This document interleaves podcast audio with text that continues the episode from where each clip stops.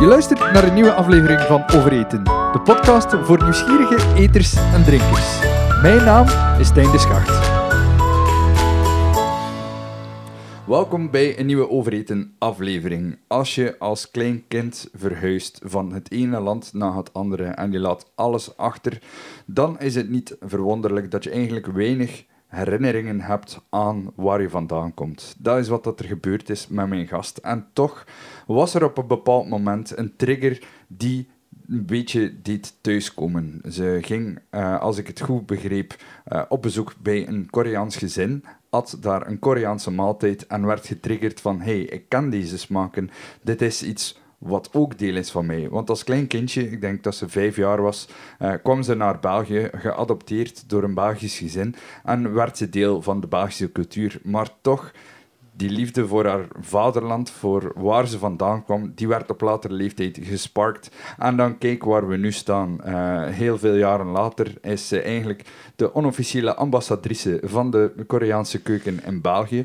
Met haar um, concept Mokja, wat uh, zoveel betekent als Let's Eat heeft ze eigenlijk begonnen met Koreaanse barbecue op uh, foodtruck festivals en is dat uitgegroeid tot heel veel meer. Ondertussen is ze ook auteur van twee boeken, waaronder Kimchi en Proef Korea, waarin je makkelijk met eigen lokale ingrediënten de Koreaanse keuken uit jouw keukenpannen of wok kan toveren, zoals je zelf wil.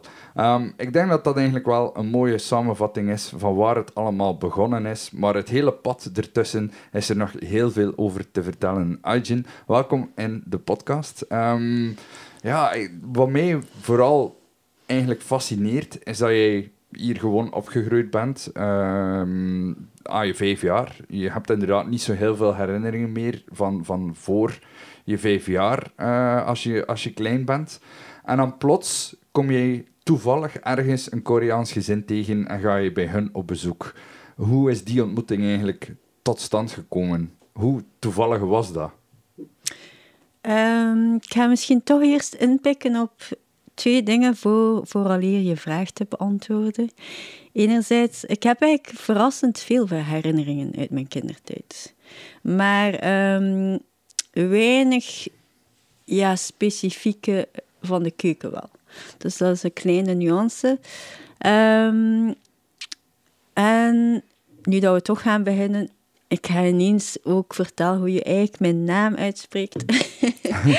en dat is Ijun. Voilà, kijk. Voilà. En dan, om terug te komen op je vraag, um, hoe toevallig is dat? Ja, dat is wel toevallig. Um, die connectie met dat Koreaans gezin, dat is via via verlopen. Uh, uh, de ouders van een uh, goede vriendin, die um, werkte op de universiteit van Gent. En daar ontvingen ze regelmatig buitenlandse studenten voor een PhD. En daar zat op een bepaald moment een Koreaans gezin tussen.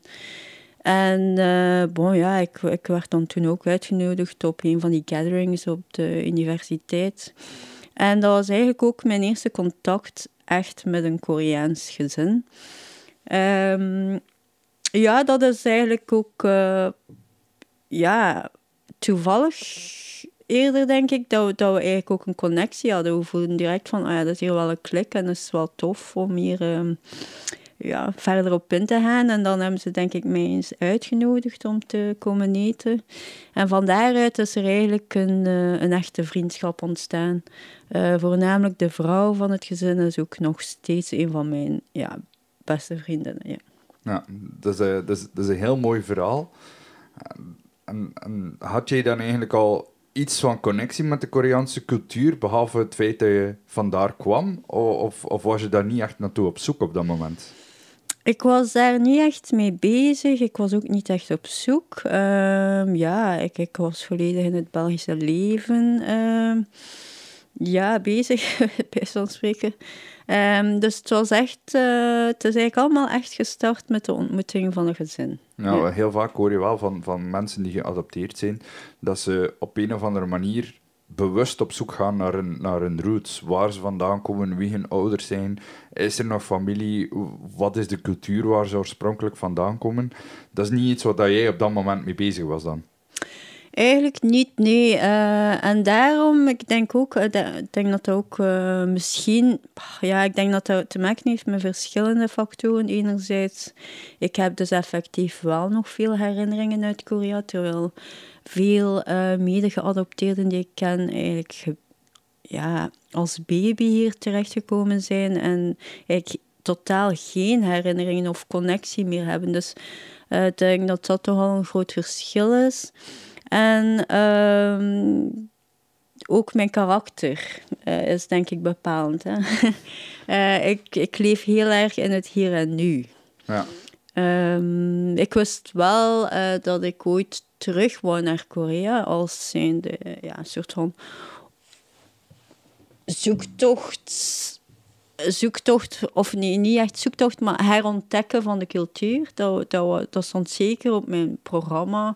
Ik had ergens uh, besloten dat ik echt terug wou naar Korea uh, voor mijn dertigste. Om door het land te reizen, om, om tenminste een keer het land gezien te hebben, de cultuur te leren ontdekken en zo verder. Uh, maar het is anders gelopen. Ik ben, ben eerst al Koreaans gezin tegengekomen in mijn hometown. en, en uh, hoe oud was je toen op dat moment, die ontmoeting? Uh, goh, ik denk dat ik uh, begin twintig of zo was. Ja. ja. ja. ja dus dat, is, dat proces is dan wel een stuk versneld, precies.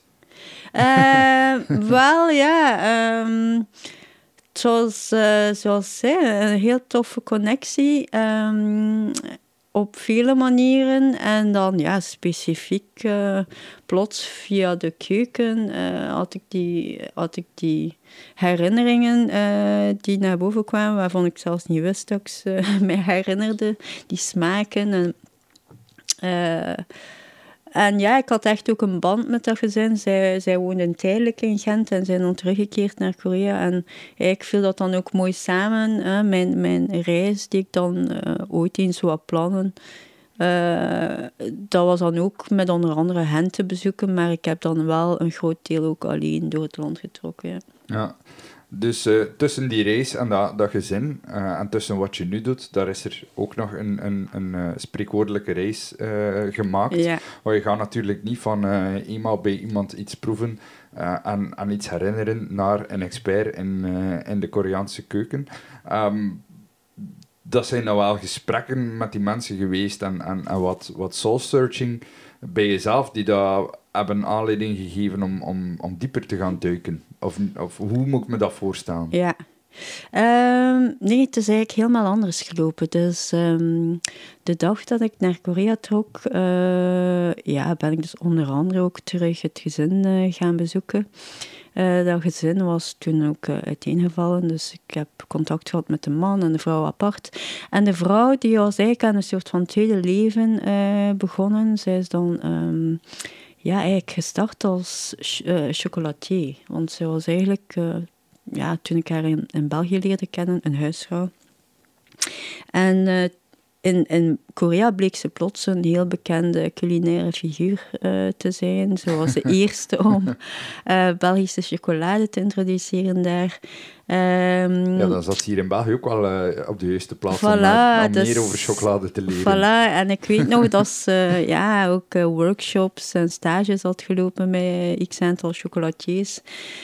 maar ik, ja, ik wist totaal niet dat ze dan daar effectief zo een ehm, business van had gemaakt en ook de, ja, enorm goed in was. En um, het is eigenlijk via haar gekomen dat ik echt geïntrigeerd ben geraakt door de Koreaanse keuken.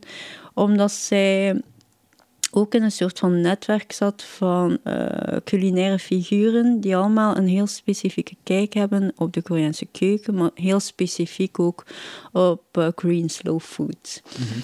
uh, en Nillens Zullens was zij mij aan het opvoeden, eigenlijk. uh, als wij samen gingen eten of uh, ik vragen had bij een bepaald product of smaken. En zij introduceerde mij ook, ook aan haar collega's. En dat waren eigenlijk allemaal heel inspirerende figuren met een zeer uitgesproken visie. Um, en dat is eigenlijk uh, de, de echte trigger geweest om mij te gaan verdiepen. Eh, en dat is nog steeds tot op vandaag mijn parcours. Eh, ik zou mezelf nog steeds geen expert noemen in de Koreaanse keuken.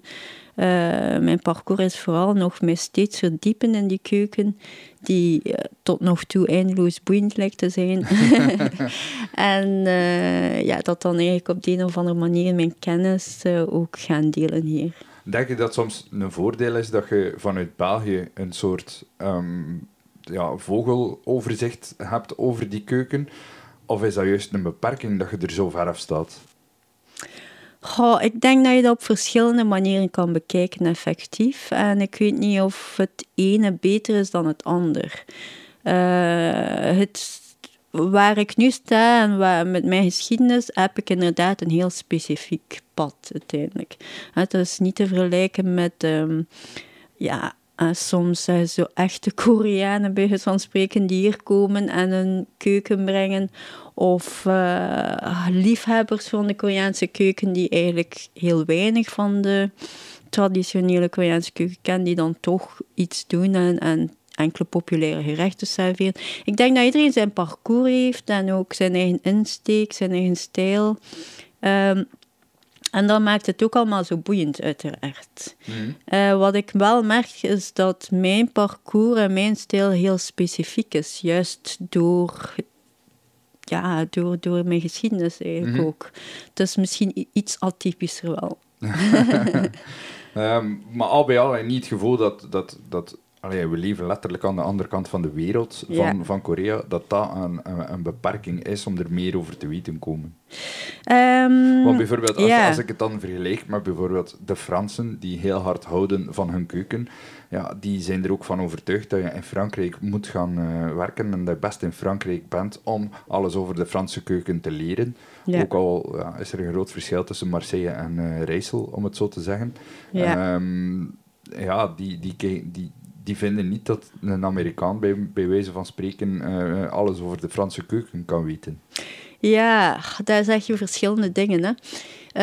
Uh, ieder, ja, iedereen heeft zo zijn mening over hoe je een keuken best kan brengen. Mm. En die, die is uh, persoonlijk uiteindelijk. Hè. Uh, maar ik geloof niet in dat soort rigide, eenzijdige blik op hoe je een keuken kan benaderen en hoe je die kan brengen en hoe dat je die zo gezegd best kan brengen. Um, ik denk soms het feit dat ik uh, mij in die Koreaanse keuken ben gaan verdiepen en er in België um, zo weinig ingrediënten zijn, dat dat ook heel sterk mijn parcours heeft beïnvloed. Daardoor was er ook juist de drang om alles van scratch te willen leren. Mm. Uh, en dat is een heel groot verschil met pakweg vele Koreanen die ik ken, Koreaanse chefs, die eigenlijk nooit van scratch beginnen. Mm Omdat ze gewoon alles, alle ingrediënten die er zijn voorraden hebben en dan gewoon maar koken. Terwijl ik wil echt, uh, ja, een van mijn eerste dingen die ik wil leren is hoe maak je die jang, die gefermenteerde saus. dus dat, dat heeft wel sterk mijn parcours bepaald, dat ik eigenlijk alles van in de diepte en bij de Echt van, van, vanaf het begin, vanaf de bron, ja. Dus uh, ik denk dat dat juist aan de kant ook uh, wat ik doe wel het zo interessant maakt. anderzijds, wat ook interessant is, denk ik, is dat ik die keuken ook echt kan gaan vertalen naar een lokaal publiek. Mm omdat ik zelf ook uh, de mindset ken van een, een Vlaming of een Westerling versus een vrij onbekende Aziatische keuken. Mm. Dat zijn zo van die discussies die nu in de Verenigde Staten uh, opkomen, waarin ja, mensen van een bepaalde culturele achtergrond zoiets hebben van ja, moet mijn keuken wel vertaald worden naar een ander publiek? Ja, ik denk van wel. Um, ik kom uit een andere cultuur dan, dan Mexico. Um, mensen hier begrijpen niet altijd waarom bepaalde dingen op een bepaalde manier gebeuren. En als je dat mhm. kan vertalen, ja, dan wordt het duidelijk voor iedereen. Dan, dan heb je een stapje voor. Uh, dat is ook wat Katinka in, in Nederland doet, met de Peruaanse keuken bijvoorbeeld. Uh, maar daar, met dat project Ceviche Ceviche. Ik denk dat er altijd wel een beetje moet vertaald worden. Net zoals dat je, dat je in talen soms dingen lost in translation kan hebben als je elkaar niet goed begrijpt, als je een taal hmm. niet, niet meester bent, is dat in de keuken ook. Want uiteindelijk, naar mijn gevoel is, is, is koken een van de eerste uitdrukkingen van cultuur. Je hoeft niet te kunnen lezen of schrijven of een grote dichter te zijn of te kunnen schilderen. Want we eten elke dag en iedereen in het gezin moet gevoed worden. Dus als je daar al je eigen uh, twist aan geeft, dan is dat al de eerste uitdrukking van cultuur. Ja, ja, zeker. Ja, zoals je zegt, uh, eten, koken, dat bevat zoveel meer dan gewoon smaken, uh, iets proeven. Daar gaat zoveel meer in, uh, daar zit veel meer achter. Allee, zelfs, bij, en... zelfs bij ons, bedoel, als wij het hebben over mayonaise en het gaat over Nederlandse mayonaise, dan merk je al dat er haren bij sommigen op de rug gaan recht staan. ja, ja, ja, voilà. Ja, tuurlijk. Um, dat merk ik ook wel. Hè. Uh, eigenlijk, hè, soms word ik zo als ambassadrice van de Koreaanse keuken uh, benoemd. Dat is eigenlijk nooit echt mijn bedoeling geweest, maar het werd wel een onderdeel van mijn werking. Om, juist daarom, omdat ik eigenlijk altijd moest uitleggen, wat is dat nu? En die mhm. smaken, en met wat kook je? En, hoe komt het dat het anders wordt geserveerd of, of geprepareerd? Of, um, dus dat, dat zijn zaken die je automatisch moet gaan toelichten. Ja, er is zo'n gezegde, uh, if you want to learn, you have to teach. Um, als je altijd een stapje voor bent op de anderen qua kennis, ja, dan kun je altijd die kennis doorgeven ook natuurlijk. En dan leer je ook meer. En dan, sta je, dan blijf je altijd voorrollen. En die voortrekkersrol wel eens eens opnemen. Dus ja, dat is, dat is duidelijk wel gebeurd bij ja, jou. Ja, ja. Uh, maar het is natuurlijk um, de Koreaanse keuken. We kunnen hier nu wel heel mooi erover gaan praten. Mijn gevoel, als ik... Uh, het ligt hier nu toevallig nog een boekje die ik, uh, die ik ingebladerd had voor je kwam. ligt die nog op tafel. Ik heb altijd het gevoel dat het koken zelf eigenlijk heel eenvoudig is. Maar dat het grote werk van die keuken eigenlijk voor het eigenlijke koken gebeurt. Um, zie ik dat verkeerd? Um, ja en nee. Ik denk inderdaad het grote verschil in uh, hoe een maaltijd bereid wordt, is dat er, uh, als je zou vergelijken met de Koreaanse versies, de Belgische uh, maaltijd, um, dan gaat er wel nog een groot deel voorbereiding is er nog een groot deel voorbereiding in de Koreaanse keuken. Uh, voorbereiding in de zin dat er eigenlijk veel slowfood gerechten zijn die al x aantal tijd op voorhand zijn bereid en die dan eigenlijk klaarstaan om dan eigenlijk je maaltijd van nu uh, nog wat te gaan aanvullen. Uh, in dat opzicht is dat wel ook ja, avant-gardistisch, vind ik op een bepaalde manier, omdat je eigenlijk echt wel um, niet op een heel ad hoc moment bezig bent met een maaltijd. Je bent eigenlijk al op voorhand bezig van, tja, wat heb ik allemaal nodig om eigenlijk een interessante, voedzame, lekkere, uh, gebalanceerde maaltijd te maken. En daarom ben je eigenlijk wel op een andere manier bezig met dagdagelijks koken. Mm. Want als ik, als ik kijk naar uh, wat je net al zei, maar ook uh, in je boek, dan zijn die, die janks een, uh, een heel belangrijk onderdeel.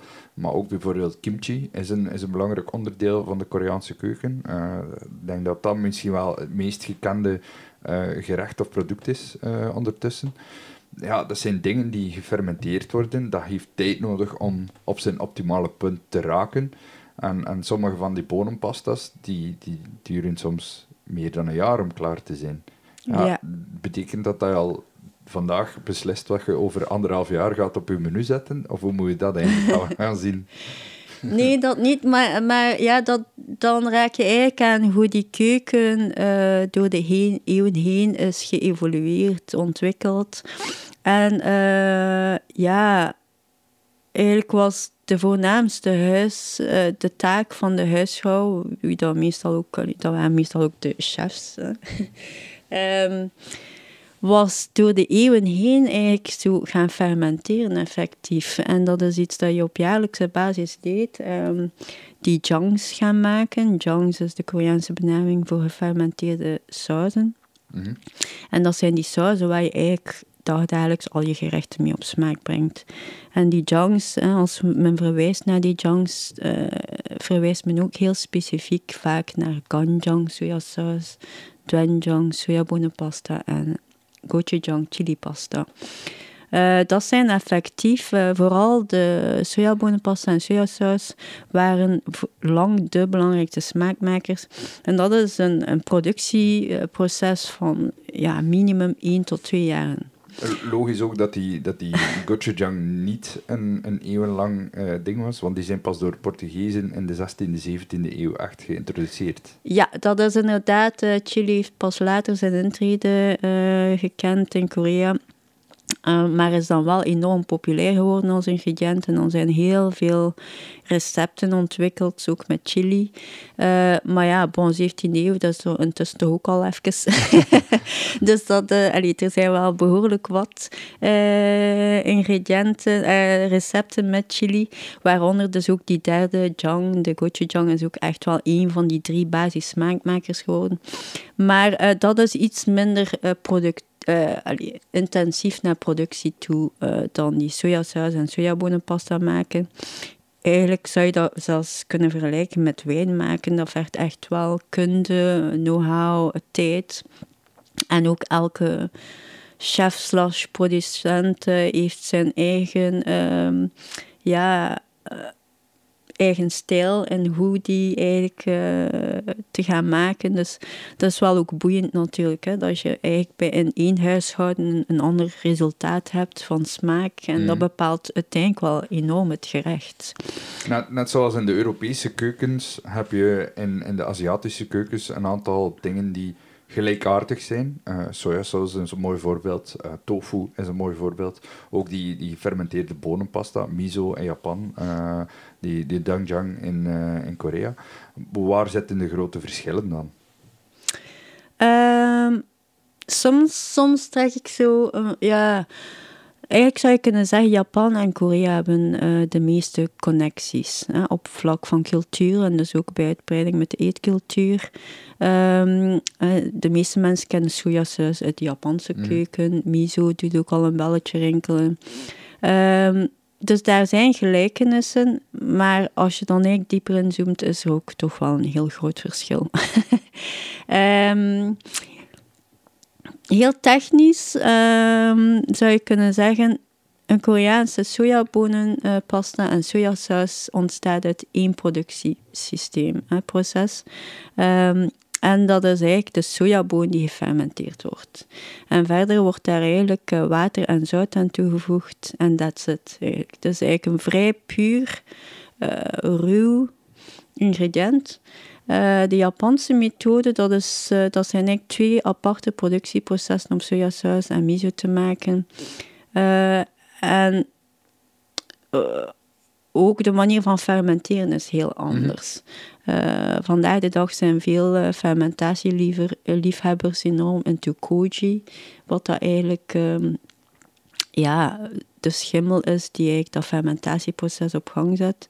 In de Koreaanse keuken uh, wordt alles op natuurlijke wijze gefermenteerd. Wat eigenlijk wil zeggen dat je eigenlijk niets echt gaat toevoegen, maar er een soort van jarenlange kennis is uh, die doorgegeven is, waarbij je eigenlijk gebruik maakt van de micro-organismen uit de omgeving. Mhm. Wat eigenlijk op een heel, uh, ja, dat zorgt voor een veel complexere fermentatie.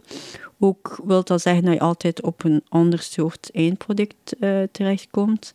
Um, maar dat maakt het ook wel boeiend, uh, complexer en ook wel, ja, soms is er ook wel uh, kans op mislukkingen.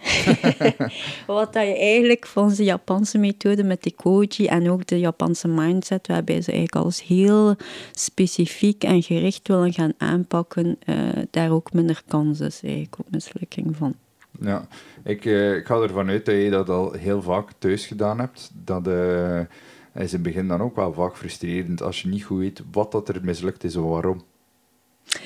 Ja, dat is, uh, ja, zoals ik zeg, dat is natuurlijk een, uh, een wetenschap die door de generaties heen is uh, doorgegeven. en ja, wat de, wat de Koreaan ook wel typeert is, dat elke Koreaan ook wel denkt dat zijn kimchi of zijn jang de beste is. maar is, is, dat niet, is dat niet in, elke, in elke generatie zo dat hetgeen wat oma maakt beter is dan gelijk wat? Dat, En speelt de- de- de zeker ook een rol. herinneringen aan houdt. Ja, ja, ja, tuurlijk. Ja, dat is ook hè, het emotionele gegeven eh, dat ver- verbonden is met de Eh, keuken is onwaarschijnlijk. Jullie hebben daar in ja. het Koreaans trouwens een woord voor, hè, voor, die, Ja. voor, voor dat, dat gevoel. Inderdaad, ja. Dus eh sonmat is, ehm, is die keukenterm waar, je- waar je naar refereert. En ehm, dat wil eigenlijk letterlijk handsmaak zeggen. En iedereen kent sonmat eh, in de Koreaanse taal. En je gaat dat heel vaak inderdaad gaan linken met mama of eh, je- je oma, want dat waren meestal wel de personen die kookten thuis.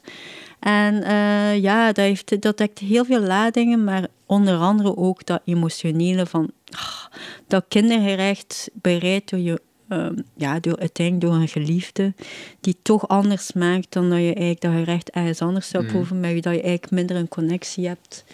Eh, en dat is wel mooi, want dat is zo eh, een gegeven dat iedereen kent. Dat is inderdaad een, een mondiaal gegeven, maar de Koreanen hebben daar dan wel een woord voor. Mm. En dat is wel mooi, omdat ze eigenlijk een heel rijke woordenschat hebben en eigenlijk ook voor heel veel eh, van dat soort zaken ook al lang een woord of een term hebben, waardoor dat, dat toch iets meer gevestigd is in die cultuur ook. Ja, ja dat, is, eh, dat, dat, dat is wel heel fascinerend eh, dat er, dat er zo'n termen bestaan eigenlijk. Dat, Ja. dat, dat daar al langer over nagedacht is. Ja. Eh, dat, dat, dat, dat belang, het ook het belang aan van, van dat concept in, in de keuken. Voilà, en dat is eigenlijk wat mij vooral ook eh, heeft geïntrigeerd in die Koreaanse keuken. Dat er eigenlijk een hele filosofie is die al ja, eeuwen eh, bestaat, waarbij over heel veel dingen is nagedacht, waar een term voor is, ehm, die zeer fascinerend zijn. Ja, in België ben ik daar niet mee opgegroeid. Ik denk weinig landen dat, dat we eh, zo'n kennis hebben. Ehm, of zelfs namen voor bepaalde gevoelens die je eigenlijk wel herkent. Ehm, en dat maakt inderdaad die keuken wel op, ja, op andere niveaus ook zeer boeiend. Mhm. Ondertussen hebben we twee Korea's, die, die zijn na de jaren 50 een stuk uit elkaar gegroeid. Ehm, maar ik kan me wel voorstellen dat voor eh, de, de 20e eeuw, dat er daar heel veel invloeden al heel lang meespelen. Eh, ik denk dat boeddhisme eh, bijvoorbeeld ook een heel belangrijke rol gespeeld heeft in de ontwikkeling van de cultuur, maar ook de, de eetcultuur. Ehm, wij kennen het boeddhisme niet zo goed, maar het is wel zo dat er in, in heel wat tempels dan ook anders gegeten wordt dan dat de gewone mens doet. Ja, ja, zeker. Ja, ja, er zijn eh, twee grote stromingen geweest in de Koreaanse cultuur en dus bij uitbreiding ook de eetcultuur. En ehm, ik denk dat China enorm een grote invloed was voor heel Azië. Eh, en dan later het boeddhisme heeft toch ook wel echt zijn stempel gedrukt. En eh, dat was lang ook een van de grootste religies in Korea, vandaag de dag niet meer. Maar nu heb je effectief dus ook nog eh boeddhisten die eigenlijk in een eigen eh, kloosterorde wonen, om dan eigenlijk een volledige levensstijl te kunnen ja, naleven, bij zo'n zeker. En ehm, hun, hun visie op eten is eigenlijk zeer ehm, ja, actueel, vind ik. Eigenlijk eh, hebben ze een kijk op eten waarbij dat ze eigenlijk vooral in balans willen leven met de natuur. Dus automatisch komen zij op een veganistisch dieet uit. Eh, proberen zoveel mogelijk zelf te cultiveren. Eigenlijk ook is daaraan verbonden weten wat je eet, eh, omdat je het zelf ook gecultiveerd hebt. Automatisch kom je dan eigenlijk ook op lokaal en seizoensgebonden eten. Eh, er is ook heel veel eh, aandacht voor eh, de hoeveelheid van wat je eet. Je gaat eigenlijk nooit meer eten dan wat je lichaam nodig heeft. Wat ook zeer inspirerend is, omdat, je, omdat we eigenlijk toch wel in het algemeen in het Westen ehm, geëvolueerd zijn naar een eetcultuur waarbij we eigenlijk vooral willen eten wat we lusten. En niet meer ik, ik ga nu zozeer... mijn buik intrekken, dan, eh, ik ben er een beetje schuldig aan. Nee, nee, maar dat is geen veroordeling. Ik doe, dat is gewoon een, een trend. Eh, We zijn daar allemaal onderhevig aan. Maar wat ik juist zo frappant en interessant vind aan, aan, aan bijvoorbeeld uh, de boeddhistische tempelkeuken is dat, dat er eigenlijk ook vooral gefocust wordt op uh, dat je eigenlijk eet waar je behoefte aan hebt. En dat is eigenlijk een heel groot contrast dan wel met, met onze eetcultuur. Uh, dus ze gaan altijd, ze zijn altijd heel erg bewust bezig met voeding. -hmm. Ja. Nou, is, dat dat ik vind het grappig dat je zegt, is, het is heel actueel. Want in zekere zin ja, zijn we nu eigenlijk gewoon terug aan het keren naar wat dat de essentie was. Lokaal eten, seizoensgebonden eten. We komen vanuit een periode van, van overvloed, waarin we alles nog altijd kunnen krijgen wanneer dat we willen, maar we merken precies alsof dat groenten die op het hoogst van, uh, van het seizoen er zijn, dat die gewoon op hun best zijn. Mm -hmm. en, en, dus ja, als je zegt actueel, eigenlijk waren wij dan een beetje verkeerd. Ja, ik ga mij niet uitspreken over wat dat juist of verkeerd is, maar ik denk dat het gewoon een evolutie is van, uh, ja, een, evo een, ja, een, een, evolutie, laten we het zo noemen. um, en pas op, um, omdat ik nu ook specifiek gefascineerd ben door eigenlijk wel heel oude foodfilosofieën, die ik ook zeer visionair vind, uh, wil dat niet zeggen dat iedereen in Korea ook zo eet. Mhm. Um, Integendeel, Korea is uh, vandaag de dag Zuid-Korea ook een uh, zeer ja, verwesterde cultuur. Dus men eet daar ook alles op elk moment um, vandaag de dag. En de nieuwe jongste generatie heeft eigenlijk ook nog weinig voeling met de authentieke keuken, omdat ze zelf niet meer koken. Dus het is, um, het is niet zozeer dat de moderne Koreaanse eetcultuur vandaag de dag zoveel anders is. Um, maar als je kijkt naar zo de, ja, de huisvrouwen die wel nog koken, dan het wel nog die, die interessante, inspirerende foodfilosofie. Uh, kan je dat wel nog gaan merken in hoe ze dagelijks koken, wat ze koken, hoe ze, hoe ze het serveren en zo verder. Is dat ook niet een beetje stad tegenover platteland? Want Korea is ondertussen een land met een aantal megasteden. Uh, die, die, die samen met, uh, met New York, Los Angeles, uh, Barcelona enzovoort genoemd worden. Um, ja, het, leven in een grootstad is altijd veel vluchtiger en gehaaster dan, dan op een platteland bijvoorbeeld, of in kleine steden. Zeker wel, hè? zeker wel. Maar je hebt gelukkig ook nog in de stad wel nog ja, mensen die koken of mensen die bewust met voeding bezig zijn. Maar dat is, dat, dat is inderdaad wel een grote... Ja, je zou het wel zo kunnen benaderen, Mm. inderdaad. Ja. Maar in zekere zin is, er ook, uh, is het ook heel duidelijk tegenwoordig in, in de Koreaanse keuken dat de aanwezigheid van Amerikanen een sterke invloed heeft nagelaten op, uh, op de keuken. Uh, dan denk ik bijvoorbeeld aan ondertussen de bekende Korean fried chicken, maar ook uh, Buddha jjigae. Ja. wat dat eigenlijk ja, ja, ja, ja. Een, een, heel sterke Amerikaanse invloed heeft. Hè. hotdogs van die Amerikaanse smeltkaas in een, in een. Ja, ja, ja, zeker, zeker. en het, het, wordt, het wordt een beetje een iconisch gerecht op, in zekere zin. Ja, ja, dat zijn nu wel ook net niet uh, gerechten die ik ga promoten of brengen, omdat daar ook weinig inspirerend achter zit. Uh, maar die, die invloeden zijn er zeker. En uh, Korea is ook een spons op vlak van nieuwe invloeden. daarom dat ze ook zo snel evolueren. Uh, ze zijn daar echt ook op naar zoek. Dat is een groot contrast met als je naar Japan gaat, dan is die hele cultuur eigenlijk vooral uh, ja, gefocust op een soort van uh, behoud van een originele cultuur, terwijl Korea eigenlijk een spons is om allerlei nieuwe invloeden eigenlijk te verwerken en ze gaan zich als community daar volledig in gaan wentelen. Um, maar ja, en er zijn niet alleen Amerikaanse invloeden. Er is elk jaar een andere hype. er zijn ook veel bekende Chinees-Koreaanse gerechten, Japans-Koreaanse gerechten. Um, maar ik, ik vind vooral die, uh, die authentieke keuken, waar eigenlijk nog veel van die uh, foodfilosofieën aan verbonden zijn, eigenlijk het meest inspirerend. Omdat ik denk dat het enerzijds dus effectief visionair is, maar dat we ook wel ergens aan de kant een beetje moeten terug evolueren naar zoiets. Mm. Want uh, ik denk dat het ook allemaal een beetje uit de hand aan het lopen is. Hoe dat we... Allee. op groot niveau, eh, op grote schaal met voeding bezig zijn. Ja, je bent niet de enige die dat aanvoelt. Uh, er is een, een, een slow food movement die daar heel bewust mee bezig is. Um, ja, als jij daar in gesprek mee gaat met, met zo'n mensen, uh, ik weet bijvoorbeeld dat je met, met Sarah van der Velde uh, deze week een, uh, een, een brainstorm-sessie ah, ja. gehad heeft. ja, ja. ja, die, die denkt ook na over zo'n dingen. Maar dan kom je wel met twee andere invalshoeken aan tafel. Dat, dat biedt toch boeiende opportuniteiten naar de toekomst toe.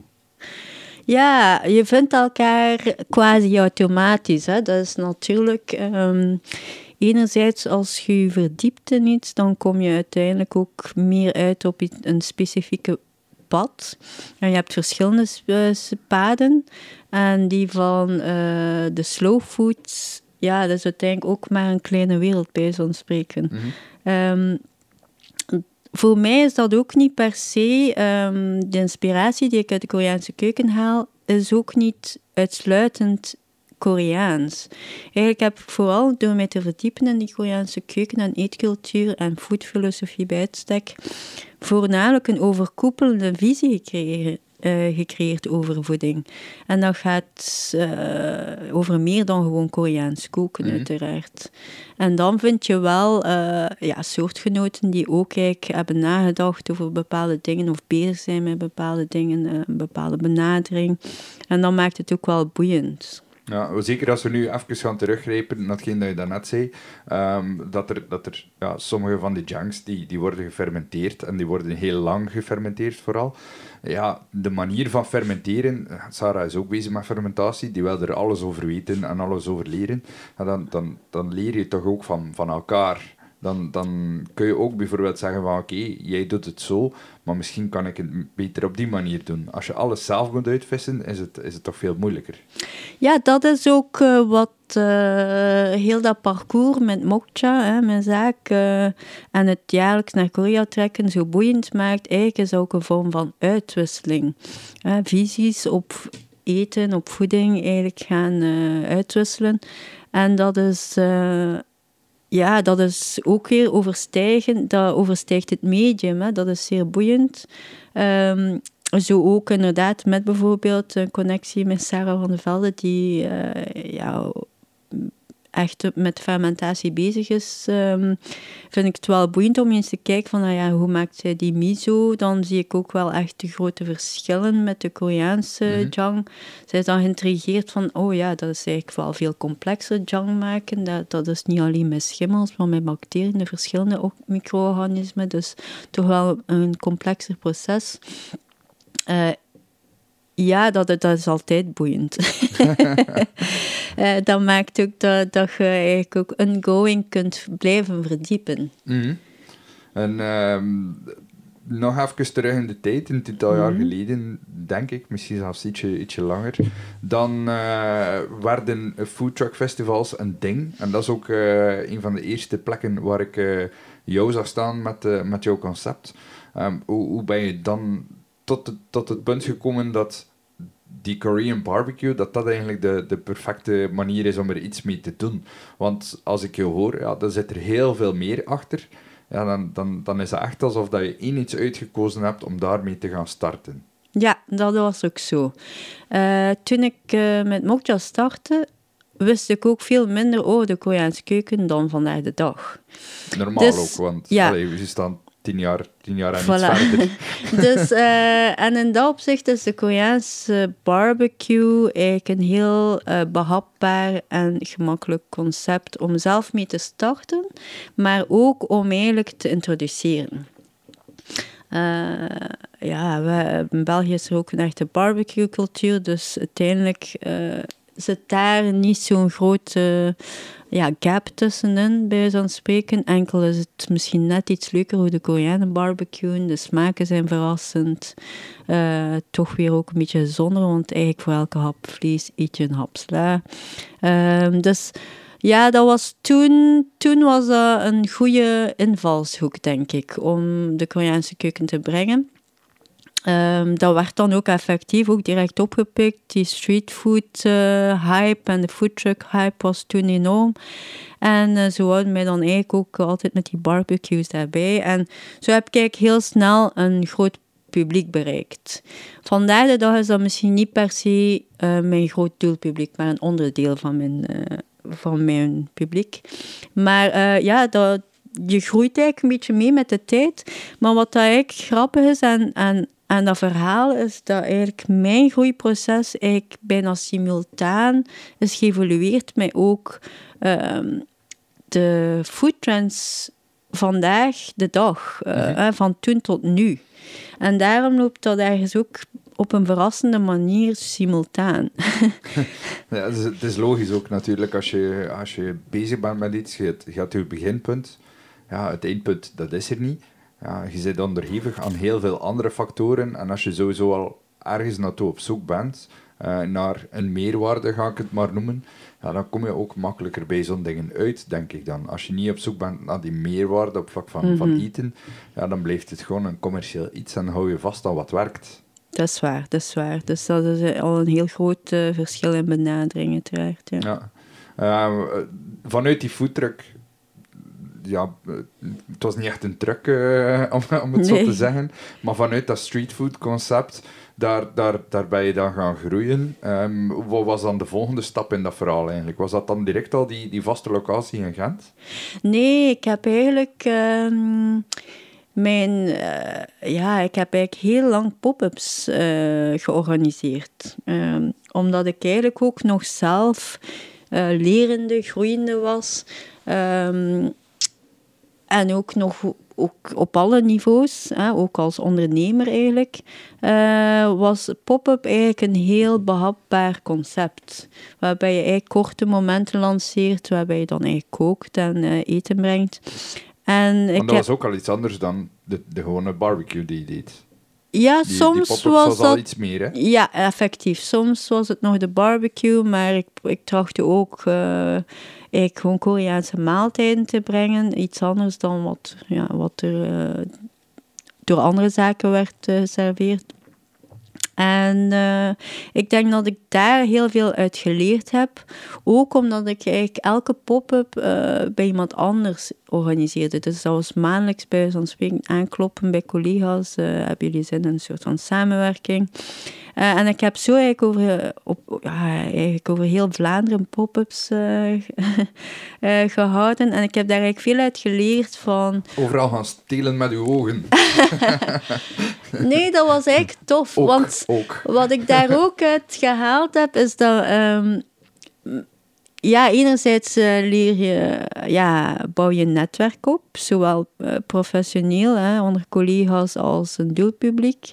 Maar uh, je merkt dan ook wel hoe besloten dat iedereen altijd werd. En dat is wel tof eigenlijk om ook weer op dat niveau te gaan kruisbestuiven. Mm -hmm.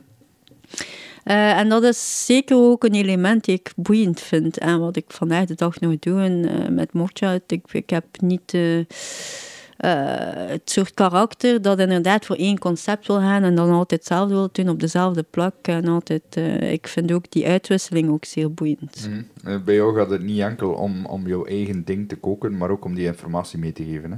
Ja, en ook omgekeerd leer ik ook veel bij van, van hen. Hè. Dus, ja, voilà. dat, dat, is hetgeen dat ik zei, ja, stelen ja. met je ogen.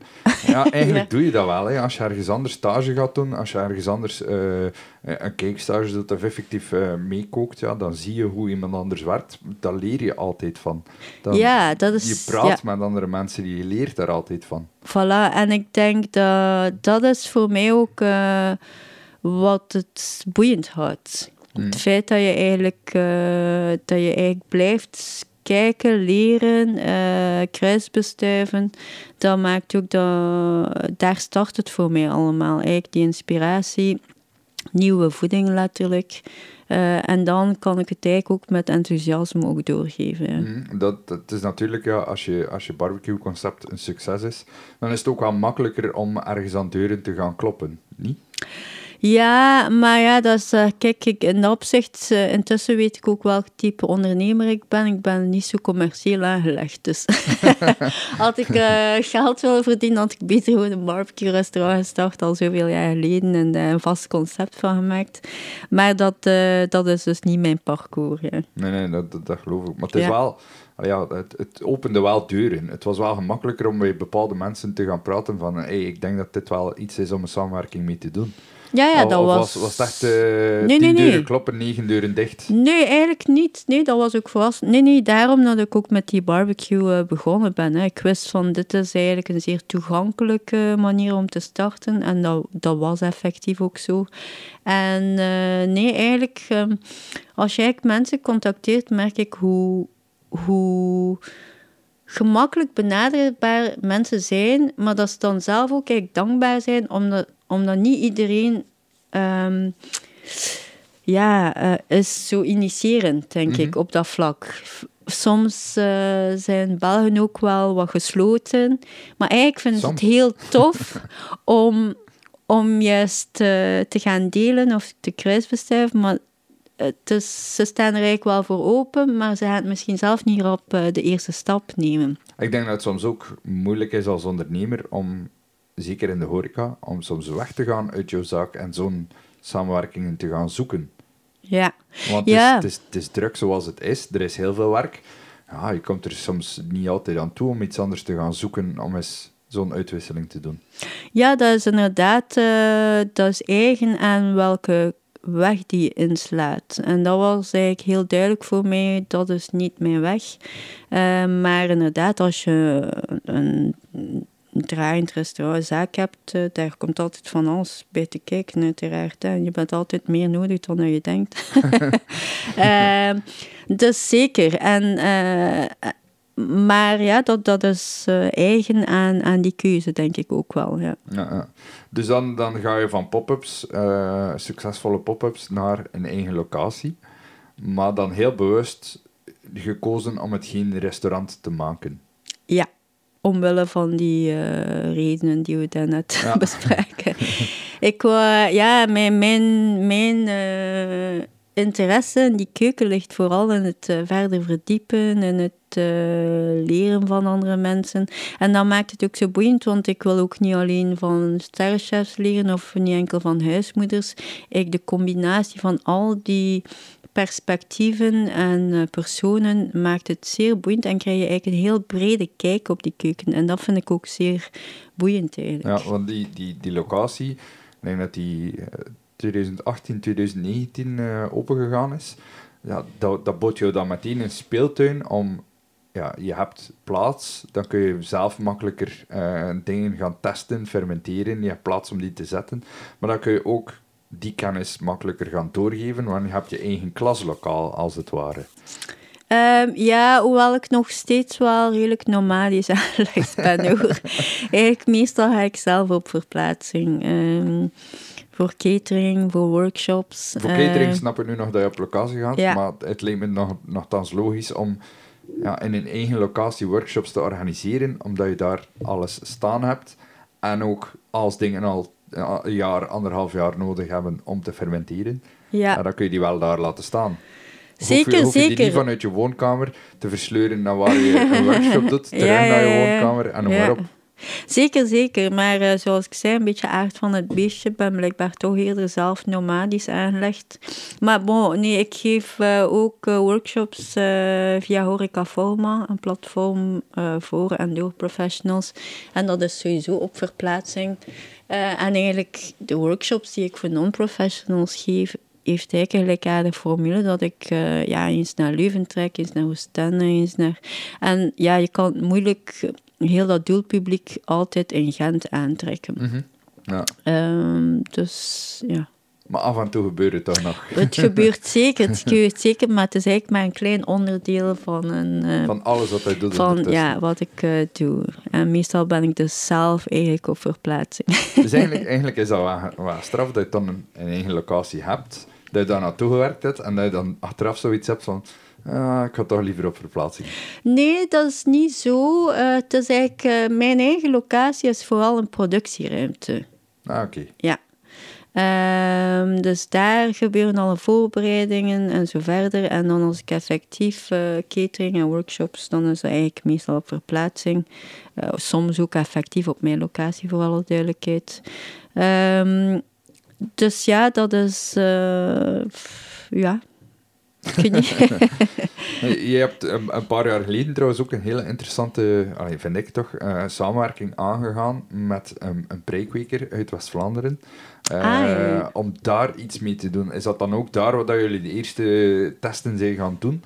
Um, wat je hebt, eh, om, het, om het even samen te vatten, je hebt kimchi gemaakt van prei. Ja. Maar normaal gezien wordt kimchi gemaakt van kolen. Nee. Of is kimchi gewoon een verzamelnaam voor een bepaalde manier van fermenteren? Inderdaad. maar wij, uh, kennen, wij kennen de, de, de, de koolversie dan het best. Ja, inderdaad, inderdaad. Dus uh, kimchi is de Koreaanse benaming voor gefermenteerde groenten. En uh, ja, mijn eerste kookboek ging eigenlijk vooral over kimchi. En heb ik eigenlijk heel veel kimchi-recepten gedeeld om prei te fermenteren, om, om rode biet te fermenteren, pompoen, allerhande groenten waarvan dat eigenlijk ook, um, ja, die ook gebruikelijk zijn in Korea, maar die buiten Korea niet zo bekend zijn. Vooral de kimchi met Chinese kolen is inderdaad mm, eh, bekend geworden, maar eigenlijk... Ook, ook komt dat eigenlijk, dat dat de bekendste is. Uh, komt dat, dat dat hetgeen is wat wij kennen en wat wij naar op zoek gaan. Goh, ik denk, in Korea is de meest courante kimchi, uh, een van de meest courante kimchi-soorten ook wel met Chinese kool. van de vijf bekendste kimchi-soorten in Korea is er één van uh, ook die met Chinese kool en chili. Uh, maar op de een of andere manier is die wel meest opgepikt um, ja, buiten Korea. Is ook lekker, hè? maar je hebt massa's andere soorten lekkere kimchi's ook.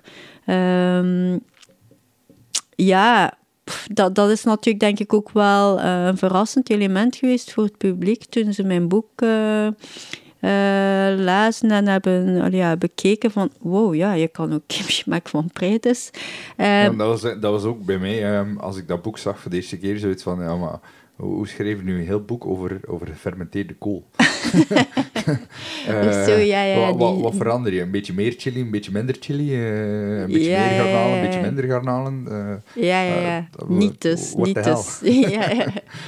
Nee, nee, nee. Het is, het is veel meer dan dat. Hè. En... Um, Nee, heel dat verhaal met die preiboer, dat is eigenlijk ook omdat die preiboer met overschotten kampte.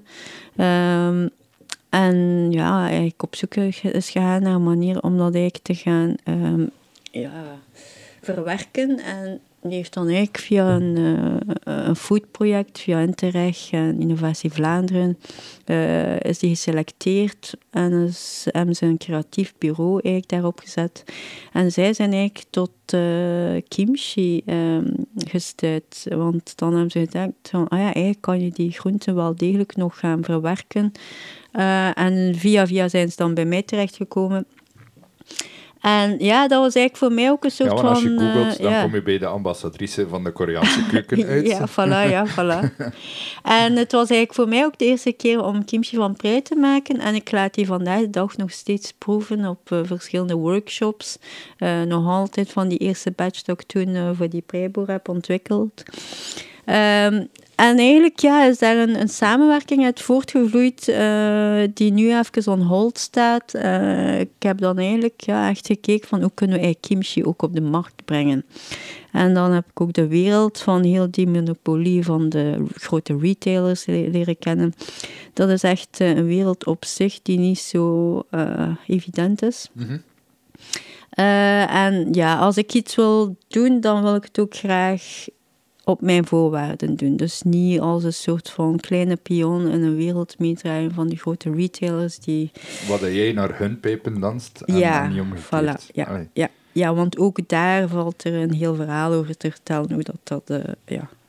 Dus ik, ik, ik, ik, sta me nu voor, jij gaat ja. uh, in, in, in, in, Brussel aan de deur gaan bellen bij de lijzen en dan uh, zit je met iemand samen, leuk product, ah, ja. lekker, lekker, daar kunnen we wel iets mee doen. En dan smijten zij hun voorwaarden naar jou en dan denk je van, dude, what the fuck.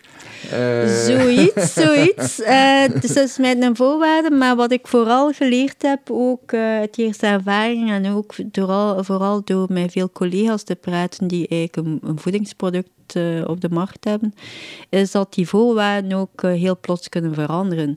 Die eigenlijk niet zo op maat zijn van de producent. Ehm, en dat is eh, niet zo evident altijd. Of bijvoorbeeld, dat is ook het probleem van die prijboer. Hè. Die, die, levert dan, die heeft dan een bestelling eh, die binnenkomt en plots de dag erop is die bestelling niet meer eh, nodig. En dat is heel die, ja, het getwiste eh, macht van, van de supermarkten en de grote monopoliespelers. En ja, dat is, ja, Dus wat, wat is er dan gebeurd met de prei?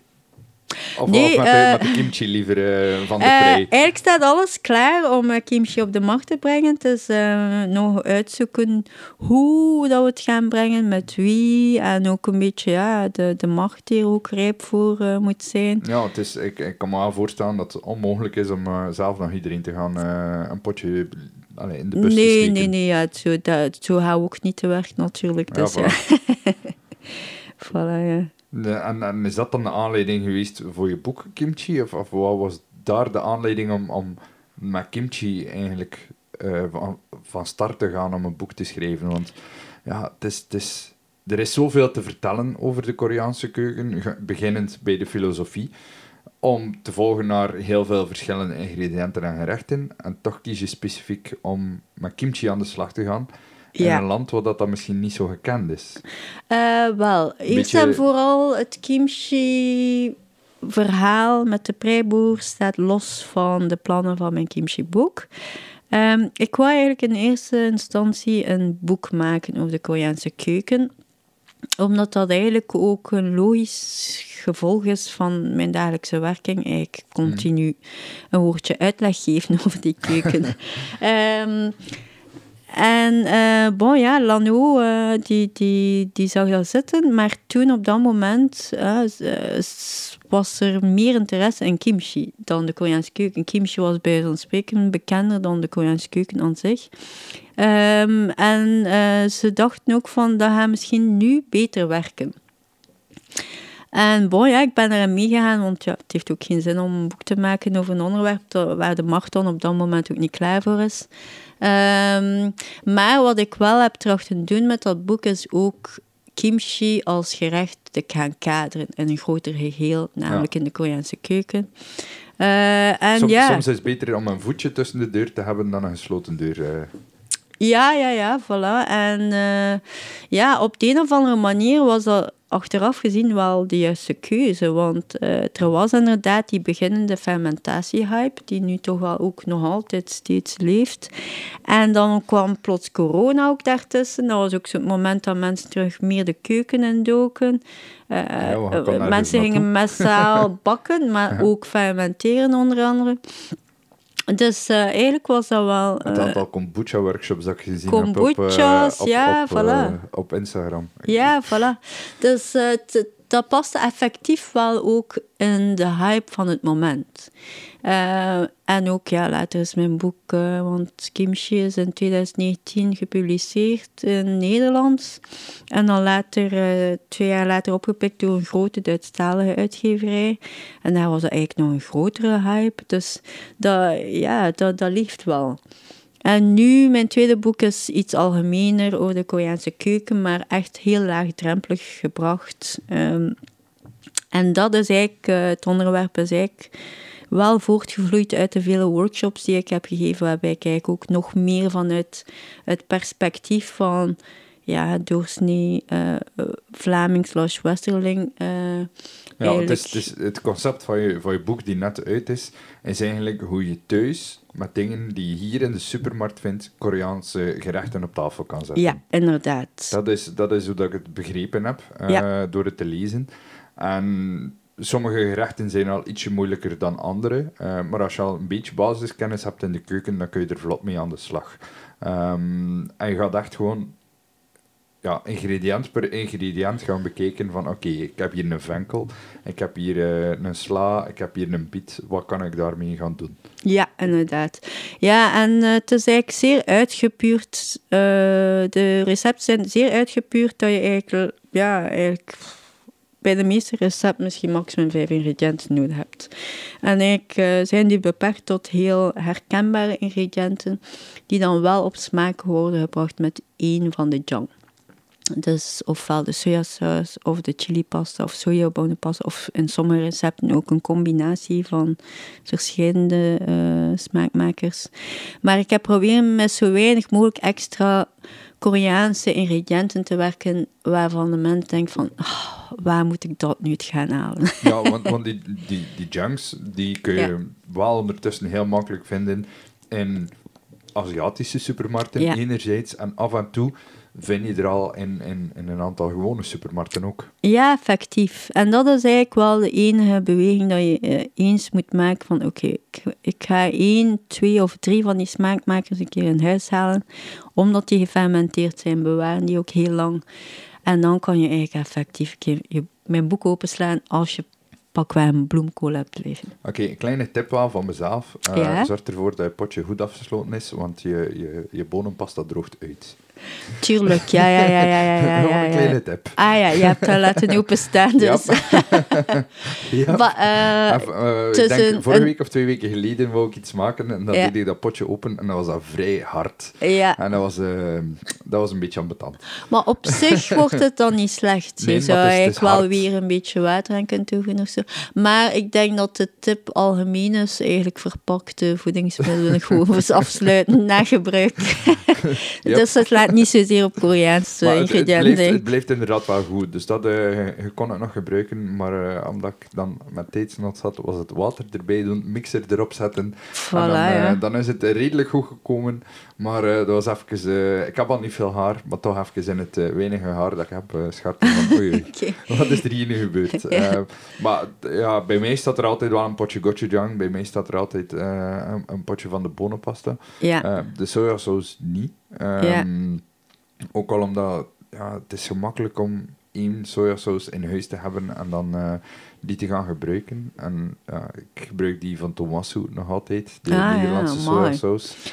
Ah, die Ja. is gewoon zo goed. ja. Die is gewoon supergoed. Ja, je bent natuurlijk ook geen doorsnee Vlaming, hè, bij wijze van spreken op dat vlak. Eh, het feit dat je een sojasaus van Tomasso hebt staan, eh, het zijn maar heel weinig die dat eh, staan hebben. Ik vind dat een heel mooi verhaal. Hè. Eh, Uiteindelijk een lokaal eh, sojasaus Ja. eh, die in mensen die het verhaal Nederland... niet ja. kennen trouwens, die kunnen gewoon luisteren naar de podcast dat ik gedaan heb met hen. Dus eh even tof. terug scrollen. Ja. Maar het is een fenomenaal verhaal gewoon. Echt, hoe die jongens ook heel bewust bezig zijn met slow food. ja, dat, ze zeggen het ook, hè, tijd is hun belangrijkste ingrediënt. voilà, ja. Dat Dat, is, is, dat is- dat is supermooi. eigen aan slow food en fermentatie, ja. Ja, het is heel moeilijk om na hun saus terug te gaan naar een andere sojasaus. Dat, eh, Ja. dat vind ik ambetant. Wel, je zou Ah, het eigenlijk een beetje kunnen, eh, als ze daar dan echt even dieper op ingaan, zou je kunnen zeggen, je hebt een premium sojasaus en dan heb je misschien een commerciële sojasaus. En dan is nadenken hoe je het ene gaat gebruiken. eh, en het andere. Je gaat geen premium sojasaus gebruiken om zo'n grote batch groenten mee te pekelen, waarbij dat je de sojasaus eigenlijk moet gaan meekoken met azijn en water en suiker. Tuurlijk, Die premium eh, sojasaus ga je dan op een andere manier inzetten. Dus Absoluut. in dat opzicht is het wel nog steeds interessant, denk ik, om naast die premium sojasaus eh, ook nog een, een commerciële sojasaus in huis te halen, waar dat je dan bijvoorbeeld ja, eh, gerechten mee kan bereiden die, waarbij je gaat verhitten, hè, bijvoorbeeld. Mhm. Ja, het is natuurlijk... allee, ik werk in horeca, ik ben al niet veel thuis. Ja, Ik kook al niet zo heel veel. Ja. Eh, dan wordt het natuurlijk ook weer een keuze die je moet maken. Hè. Is, dan, tuurlijk. Ja. is het dan logisch dat je veel sauzen in huis hebt die je niet gebruikt? Of is het beter dat je één goede hebt die je wel gebruikt? Maar dat is, een, dat is een andere discussie, denk ik Ja, dan. voilà, Ehm, voilà. Maar het is, het, is, het is wel zo, ook, ook bij de, de, de commerciële sauzen heb je ook heel veel verschillen natuurlijk. En, Ja. en ik denk wel dat we op een punt komen waar er meer en meer aanbod gaat zijn in zowel Aziatische als gewone supermarkten van die eh, Koreaanse sauzen, toch? Ja, ja dat, uh, die evolutie merk je nu al. Hè. Ik kom soms um, jongeren tegen die, die uh, moeiteloos van ah, ik heb gochujang, doenjang in huis. Uh, terwijl allee, veel mensen moeten ik nog uitleggen wat dat sojabonenpasta is, die dan plots met die Koreaanse benamingen komen, die dat dan ja, oppikken hè, via social media en zo. Mm. en door dat soort ja, awareness komt ook uh, de vraag en dan ook het aanbod uiteraard. Uh, en vandaag de dag ben ik eigenlijk ook bezig met uh, Pimenton, dat is eigenlijk een online um, webshop, om eigenlijk ook aan een iets interessanter en uitgebreider gamma te werken aan Koreaanse ingrediënten. Maar daar, ja, dat is ook wel een weg die we moeten afleggen. Hè. Je zit daar ook terug een beetje met een monopolie van de grote importeurs versus... Ah, logisch en zo verder. Want, want uh, één klein doosje saus opsturen vanuit Korea of een volledige container opsturen uh, met producten vanuit Korea. Tuurlijk, ja. Dat is een ander verhaal natuurlijk. Ja, ja, voilà. Uh... En dan ook, ja je hebt eigenlijk zoveel soorten uh, sojasausen en sojabonenpasta's. En als je in de Koreaanse supermarkt bent, heb je een hele rayon met heel veel uh, diversiteit. Um, maar bon, los daarvan, we focussen ons vandaag de dag in België of in het Westen op x aantal merken. Uh, en via Pimenton wil ik eigenlijk ook vooral um, daar ook een iets mooier aanbod in gaan um, dus eigenlijk ben je daar gewoon ingehuurd als, als consultant, als het ware. Wel, ingehuurd, ik hou meer van samenwerkingen. Dus we, we betekenen iets voor elkaar. Mm. uh, ik denk enerzijds, uh, als ik workshops geef, is de eerste vraag stevast, waar kan ik die sauzen vinden? Uh, dan moet je de mensen eigenlijk naar een supermarkt sturen, specifieke supermarkten. Wat dat Pimenton natuurlijk wel doet en wat interessant is, je, kan, je hebt een webshop, je klikt en het komt de dag erop bij je thuis geleverd. En dat is iets dat vandaag de dag wel ook uh, ja, werkt of zo. Ja, tuurlijk, tuurlijk. Zeker in onze drukke samenleving, waar dat er heel veel dingen te doen zijn, ja. dat je soms ook niet altijd de zin en de tijd hebt om naar verschillende supermarkten te, te rijden, als ze het in de ene niet hebben. Het is al een heel specifiek product. Ja, dan moet je al een, een stukje verder gaan rijden. Als ze niet hier in een stand hebben, uh, dan moet ik naar Brugge of, of nog verder. Ja, na een tijdje heb je daar ook geen zin in om dat te doen. In ja. Oostende heb je een mooi uh, basisaanbod aan Koreaanse producten, maar Brugge, ja, dat is eigenlijk... nog net iets meer dan. Uh, dus, dus, oh, voilà. dus als, als het dan ja, uitverkocht ja, ja, is, ja, het is niet alsof, alsof een voilà. producent of een boer om de hoek hier snel die, die kan bijvullen. Ja, ja, voilà. Ja, nee, zeker, zeker.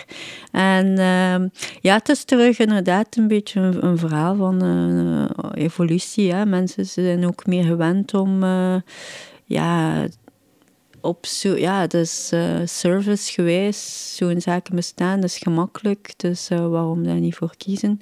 Ik ben nog altijd het type dat heel graag bij de, ja, die, die eigenlijk niet de boodschappen in een supermarkt doet, maar bij eigenlijk verschillende producenten eigenlijk liefst van al langs ga. Maar los daarvan... Doen, maar ik heb geen tijd daarvoor. maar los daarvan...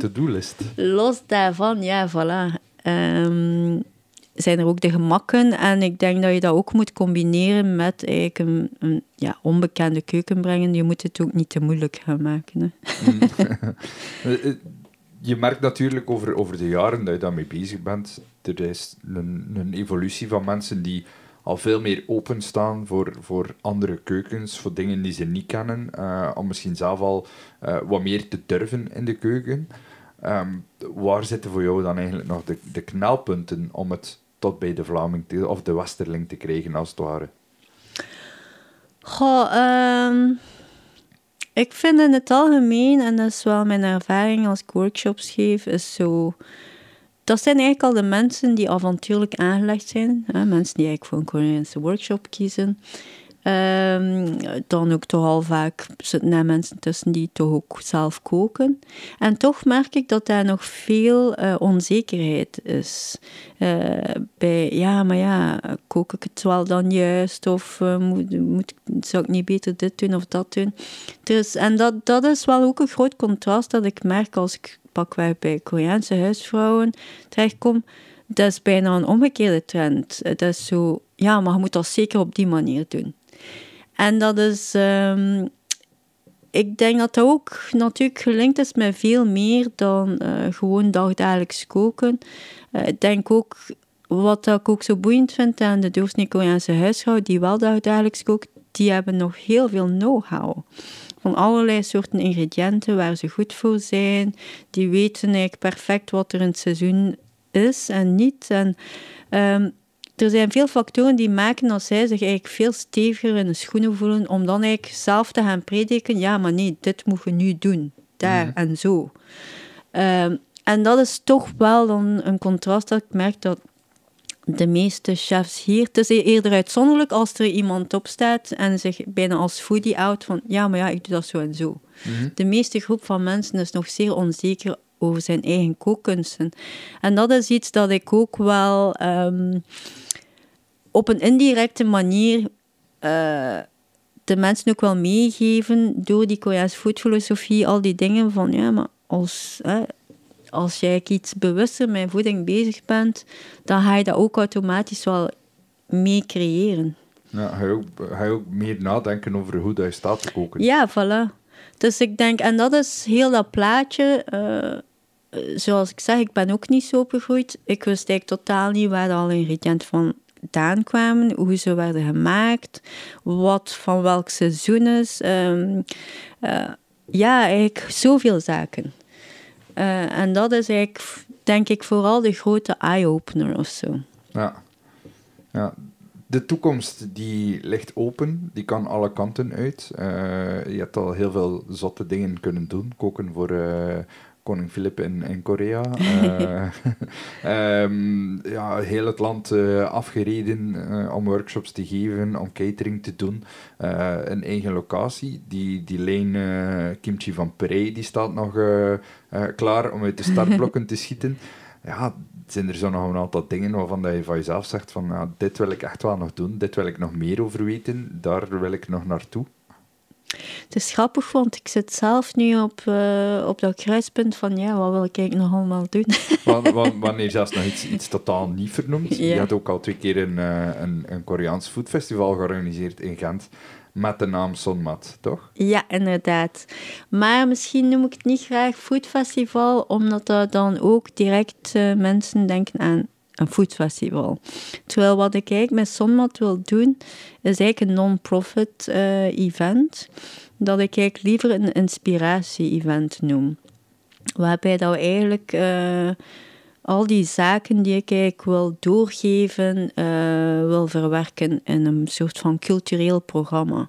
Waarbij we eigenlijk vooral voeding als een cultuurplatform zien. Mhm. Meer dan gewoon een foodfestival, waarbij dat eigenlijk vooral gewoon gerechten wilt verkopen. Waar, dat consumptie wordt, ja, nu voilà. gaat het echt als inspiratie ja, uh, ja, gelden. Voilà. En... Want, want, in zekere zin breng je dan toch ook heel wat actoren samen ja. die, die dingen uitwisselen die op een andere manier niet gebeuren. Ja, voilà. En dat is eigenlijk terug een beetje een verlengde van, van mijn dagdagelijkse werking. Uh, eigenlijk die uitwisseling, kruisbeschrijving, een beetje het bewust worden. Uh, eigenlijk inspireren en inspiratie doorgeven. Um, dus dat komt daar eigenlijk allemaal in samen, maar dan wel in een non-profit uh, platform. Ja, want hoe moeten we dat voorstellen? Ik weet dat er een, een, een, Koreaanse chef uitgenodigd was, dat er een aantal workshops gegeven werden. Maar het is veel meer dan dat. Wat, hoe, hoe moet je dat voorstellen? je, je gaat naar Gent, je zegt, ik ga naar Sonmat. Ik kan niets van de Koreaanse keuken waar, waar, hoe begint mijn dag? Um, eerst en vooral, Sonmat is een, is een, idee dat ontstaan is uh, gedurende ja, tijdens corona. Dus dat kent, heeft ook nog maar twee edities gekend. Dus ik ben zelf ook nog uh, aftastende om dat platform eigenlijk uh, vorm te geven. Uh, maar wat ik wel gemerkt heb, is dat die twee edities wel, die waren uitverkocht. Dus er is daar wel um, een publiek voor en interesse voor. En uh, ik denk de eerste benadering van Sommat is heel duidelijk van, uh, ik ben eigenlijk commercieel bezig met Mokja. En eigenlijk heel veel inspiratie die ik uit die keuken haal, wil ik eigenlijk ook op een non niet-commerciële manier ergens vormgeven. En eigenlijk eh, gebaseerd op inspiratie en cultureel platform.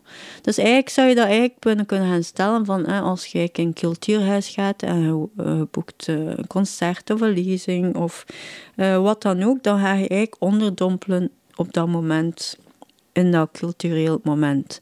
En dat is eigenlijk wat ik ook wil met, doen met Zonmat, maar waarbij voeding eigenlijk het cultureel platform mhm. is.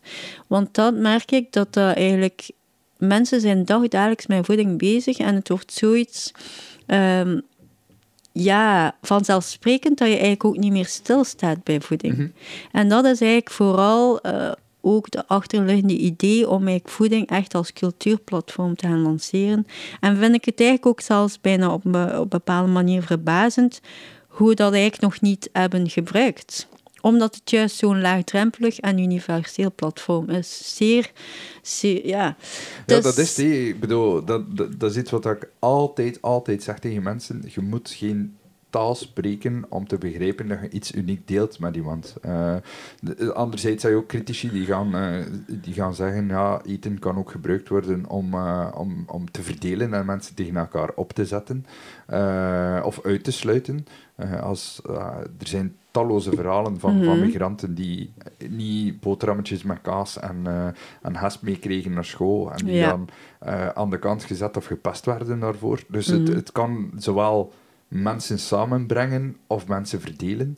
Maar het is wel, ik zei het al eerder in deze podcast ook, die eerste uitdrukking van cultuur. Je hoeft niet te kunnen schrijven, lezen, schilderen, uh, een goede muzikant te zijn, kunnen zingen, om, om het over cultuur te hebben. Eten doen we allemaal, doen we elke dag uh, toch zeker. Ja, inderdaad. En dat is dan denk ik ook wel, hè, we hebben uh, de wereld kent de grote, ja, ja immigratiestroom.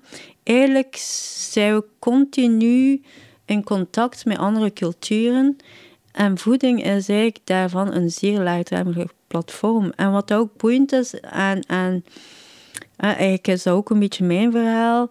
Ehm, als je eigenlijk verhuist, bij wijze van spreken, een van de weinige tastbare uh, zaken die je kan meenemen en dat eigenlijk ook van jou persoonlijk is, is voeding eigenlijk.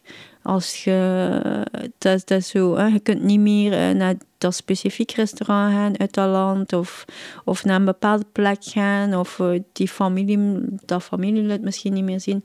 Maar je hebt wel nog wat dat je meekreeg via voeding en dat kan je proberen gaan recreëren of mhm. vasthouden of koesteren. En in dat opzicht is dat wel ook een mooi platform. Uh, omdat mensen daar ook zoveel aan linken. Uh, en ik denk dat daar eigenlijk veel mee uh, te doen valt. Mm Als een soort van verbinding, inderdaad ook. Ja. Um, dus, dus wie komt dan eigenlijk vertellen op zo'n op zo'n platform? Wie komt zijn verhaal delen. uh, eerst en vooral, ja, je hebt jezelf uh, die, dat, die dat een beetje cureert. Ja, inderdaad. Uh, want ik denk dat je opties eindeloos zijn, enerzijds. Ja, ja, ja. ja. Um, je, je, kiest dan ja, een Koreaanse chef die naar hier komt, ja. maar er is heel veel meer dan dat. Ja, ja dat, dat is eigenlijk dan een beetje inderdaad lekker een cultuurfestival. Hè. Kan je het gaan vergelijken? Eigenlijk is er, ben ik inderdaad curator van dienst. Ik ga een thema uitzetten. Ik denk ook na over wie dat ook kan aantrekken. Ah, dus je had echt wel een, een thema iedere keer? Ja, ja. Eigenlijk was zonmat het thema. Ah, zonmat was het was thema? Was het thema. En eigenlijk dacht ik van, we gaan de eerste twee edities rond zonmat als thema werken. Maar eigenlijk is dat snel gebleken dat dat zo een... Um, ja, een sterk thema is, die eigenlijk, waar je ook eindeloos op kan voortbouwen. En ook de naambekendheid. En wij gekozen van, dit moet gewoon het thema blijven voor alle komende edities. Um, en, uh, maar dan binnen de sommat gegeven ga ik altijd wel heel specifiek nog een kleiner thema uh, uitzetten. En dan ga ik kijken kijk van welke actoren zijn interessant die daar ook mee zouden kunnen werken. En dan reik ik uit naar wetenschappelijke of culturele partners um, of uh, ja, scholen die eigenlijk daar ook iets mee kunnen doen. En uh, zo creëer eigenlijk ook dan weer een kruisbestuiving op hun en hun blik, hoe dat zij eigenlijk met dat thema iets zouden doen. En dat wordt dan uiteindelijk ook het programma van, kijk, ehm, voilà. Eh, eigenlijk met verschillende mensen, verschillende benaderingen. Hè. Sommat is zeer boeiend om eigenlijk stil te staan bij je, uw handen, die eigenlijk het vaste ingrediënt zijn als je gaat koken. Mhm. Je handen zijn gewoon een onmisbaar basisingrediënt. Als je dat vanuit wetenschappelijk eh, oogpunt eigenlijk gaat bekijken en benaderen, is dat zeer boeiend. Ja, uiteraard. Ehm, dan ja, meer als we samenwerken met uh, Curieus GZW, die uh, ja, meer inclusief denkt, is dat ook vanuit een andere be benadering of sociaal empathisch van oké, welke rol heeft voeding in, ja, in de wereld van een patiënt of in de wereld van een grootmoeder of in de wereld van een jonge generatie. En zij verzamelen dan bijvoorbeeld verhalen via een podcast. Uh, en dat maakt ook wel uh, weer die, die perspectieven zeer boeiend, vind mm. ik. En eigenlijk als, als de bezoekers naar het zonmat gaan, her, is, er, is er altijd weer hetzelfde. Eigenlijk herkennen ze dat, maar het is nog nooit zo benoemd of zo gebracht het, het, is een gevoel die ze hebben, maar nog niemand heeft echt de vinger op, uh, ja, op zoiets, de wonden gedrukt. Als zoiets, ja. En dat is, uh, dat is denk ik ook wel uh, het interessante en de potentieel van Sommat en voeding als cultuurplatform. Ja. ja. Ik, ik neem aan dat bijvoorbeeld een Koreaanse ambassade dan ook heel hard staat te springen om daar deel van uit te maken. Wel, ja en nee, want eigenlijk is de inspiratiebron uh, Sonmat, dat is een Koreaans term. Maar we gaan het ook niet uitsluitend Koreaans houden. Dat is eigenlijk het eh, springplank om dan eigenlijk te gaan... eh, Intercultureel te gaan ja, werken binnen. voilà, voilà. Ja. Want hè, zo, ja, hè, mensen noemen mij soms ambas- ambassadrice van de Koreaanse keuken.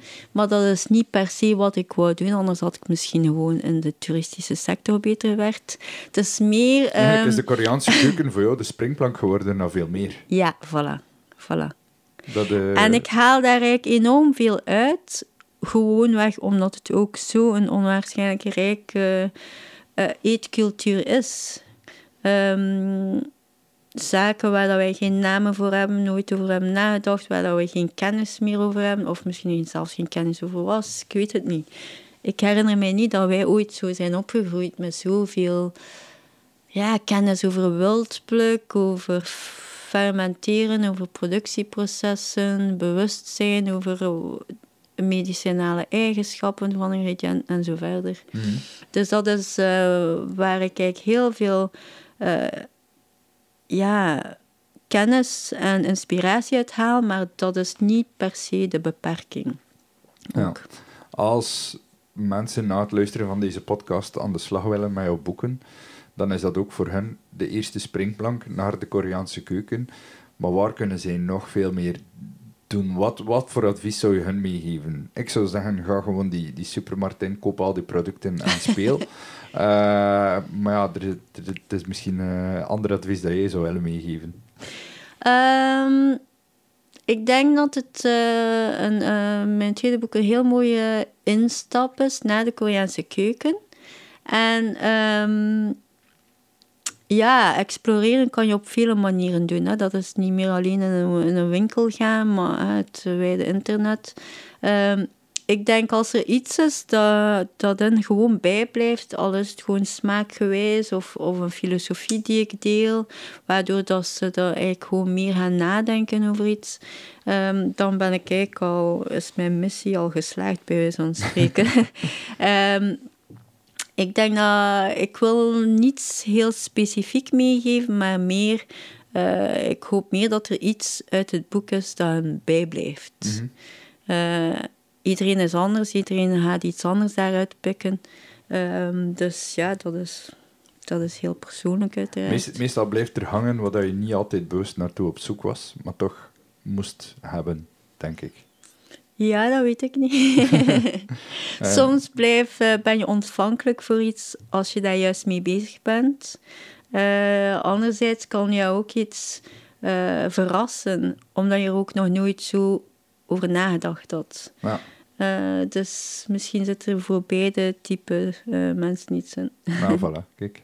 Um, als mensen meer willen weten over al de dingen waar je mee bezig bent, uh, zowel de, de, de, workshops als de catering, als de, de, de kimchi, als het festival, als ik, ik kan blijven opnoemen, waar kunnen die makkelijkste op de hoogte blijven van al jouw avonturen? Uh, de meeste klanten volgen mijn nieuwsbrief. en ik ben uh, zelf niet zo'n fan van nieuwsbrieven, dus ik tracht die ook echt heel... Uh, ja, zo, zoveel mogelijk te beperken, maar stel dat je drie tot vier nieuwsbrieven per jaar krijgt, daarmee kan je wel mijn mijn plannen uh, bijbenen.